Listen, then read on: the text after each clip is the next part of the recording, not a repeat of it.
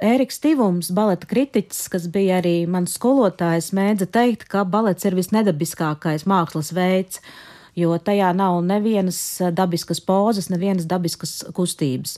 Un viens no elementiem, kas šo brīnišķīgo nedabiskumu rada, protams, ir puantes, sieviešu baleta kurpes. Puantes, kas no franču valodas nozīmē pirsgali, un um, klasiskajā baletā tā ir neatņemama sieviešu dēļas daļa. Puantes ļauj dejotājai ieņemt stāvokli, balstoties uz pirsgaliem ar izstieptu pēdu un tas padara pozu netik sadzīvisku un tādu kā piepaceltu, un, protams, izskatās ļoti izteiksmīgi. Dejos poantēm rodas 19. gadsimta sākumā, tas ir romantisma uh, laikmets, un sākotnēji deju uz poantēm izmanto fēju, dieviešu un citu fantastisku radību lomās, lai izceltu viņu uh, dievišķo izcelsmi no šīs zemes.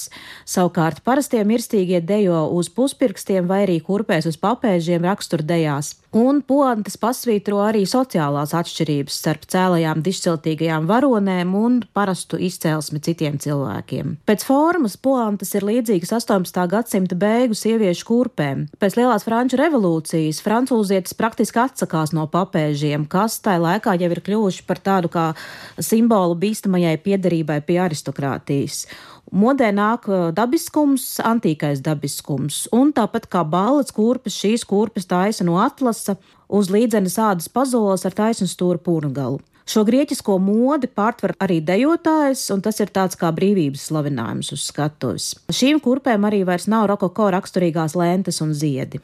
Dejotājs sāk pacelties pirsgalos savās deju kurpēs, un šī moda ienāk arī Londonā, un iespējams, ka tieši tur pirmo reizi notiek deju uz poantēm. Tas, kā jau teicu, ir 19. gadsimta sākums, un līdz tam tas ir kas neredzēts. Sākumā tās ir tikai atsevišķas pozas uz pirksgaliem, bet 1830. gadā slavenā baleta prīma Marija Taljoni jau rāda baletu uz poantēm, un uh, divus gadus vēlāk viņa uz poantēm dejo sava tēva baletā Silfīda. Uh, tas ir balets, kas arī mūsdienās tiek bieži iestudēts, un tas ir tāds absolūts romantisma triumfs uz skatuves. Sāk jau parādīties arī sarežģītāki elementi, piroetes, uh, virtuozitāte kļūst ar vienu izkoptāka, un pamazām šī deja uz poantēm kļūst par obligātu klasiskā baleta elementu. Jau 19. gadsimtā arī baletmeistari izmanto poantus arī vīriešu dejā, lai sasniegtu tādu īpašu efektu.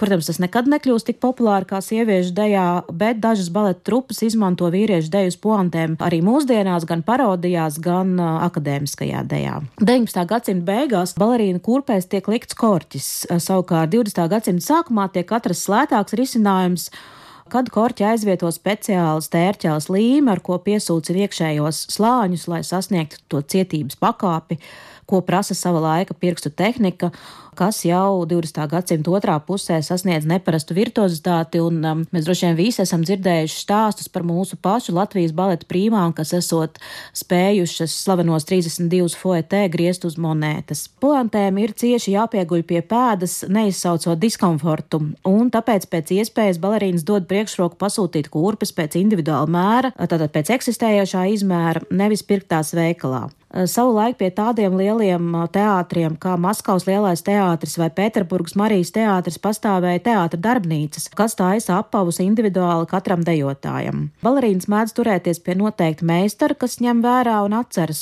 katrs dejotājs šos individuālos um, parametrus, anatomiskās īpatnības un vēlmes Līdz ar to nav vajadzīga papildus mērīšana. Un tad, ja šis meistars aiziet pensijā, tad tā ir īsta traģēdija. Poantes parasti taisa no gaiša atlasa. Šo kurpju darināšanā izmanto arī ādu vai kartonu, kas palīdz noturēt šo pēdu vertikāli. Kurpē ir arī jāpasvītro pēdas izliekums un, protams, jāizstās vizuāli skaisti. Tas ir roku darbs, ļoti ilgstošs, sarežģīts process. Parasti meistars dienā var izgatavot 6 līdz 7 apavu pārus. Mūsdienās, protams, ir īpašas firmas, kas ar to nodarbojas. Poantēm piemīt arī tāds netikums, ka no šiem daudzajiem pacēlieniem dejā kurpes pamazām paliek mīkstas un sāk šķīst ārā. Tas ir atkarīgs no slodzes intensitātes, piemēram, balerīnai, kas dejo galveno lomu, kur ir daudz duetu variāciju. Šāda balerīna var pa vakaru nomainīt vairākus pārus, katram cēlienam principā savu pāri. Un, protams, tas ir īsts papildus stress, ja šī kurpe sāk jukt ārā, piemēram, uz fināla padedē. Tātad šī baleta kulminācija klasiskajā baletā, kas ir tādos klasiskos baletos kā Dons Kihots vai Gulbju ezers, kur ir tātad variācijas, slavenie 32 foetē, un tad ir ļoti slikti, ja šī kurpe sāk jukt ārā. Mūsdienās, protams, romantismu nomaina tehnoloģijas, un baleta kurpes tiek ražotas pamatā no plastmasas un gumijas. Tas vairs nav roku darbs, bet ir daudz ilglaicīgākas, labāk balsta atbalsta pēdu, un tās ir arī dārgākas, bet kalpo tātad daudz ilgāk un var nokalpot pat veselu sezonu. Pret šīm kurpēm gan norēdoši izturas daudzas vadošās Eiropas baleta trupas uzskatot, ka tās neļauj pareizi noformēties nepieciešamajām muskuļu grupām. Ar poantēm tiek veiktas arī visdažādākās manipulācijas pirms izrādēm, gan lai sagatavotu tās dējai, gan lai izvēlētos īstās, piemērotākās, un noteikti ir jāatrod pareizā kurpe uz konkrēto izrādi. Ar pontēm saistās arī dažādi tomēr romantiski rituāli. Piemēram, Sergejs Džagiļevs, kas savulaik iepazīstināja Parīzi ar Krievu baletu un Vaclavņa Žīnski, kurš joprojām ir tāds uh, baleta elks. Ja aizbrauc uz viņa kapu Venecijas kapsētā San Mikēlas salā, tad ļoti bieži var redzēt, ka uz šī kapa ir uzlikta kāda balerīnas poante, kur iekšā ir kāds papīrītis, kāds vēlējums. Proti, tad, tad lai arī tehnoloģijas svin savu uzvaru gājienu, tomēr šīs romantiskās tradīcijas ar poantēm vēl joprojām ir dzīves.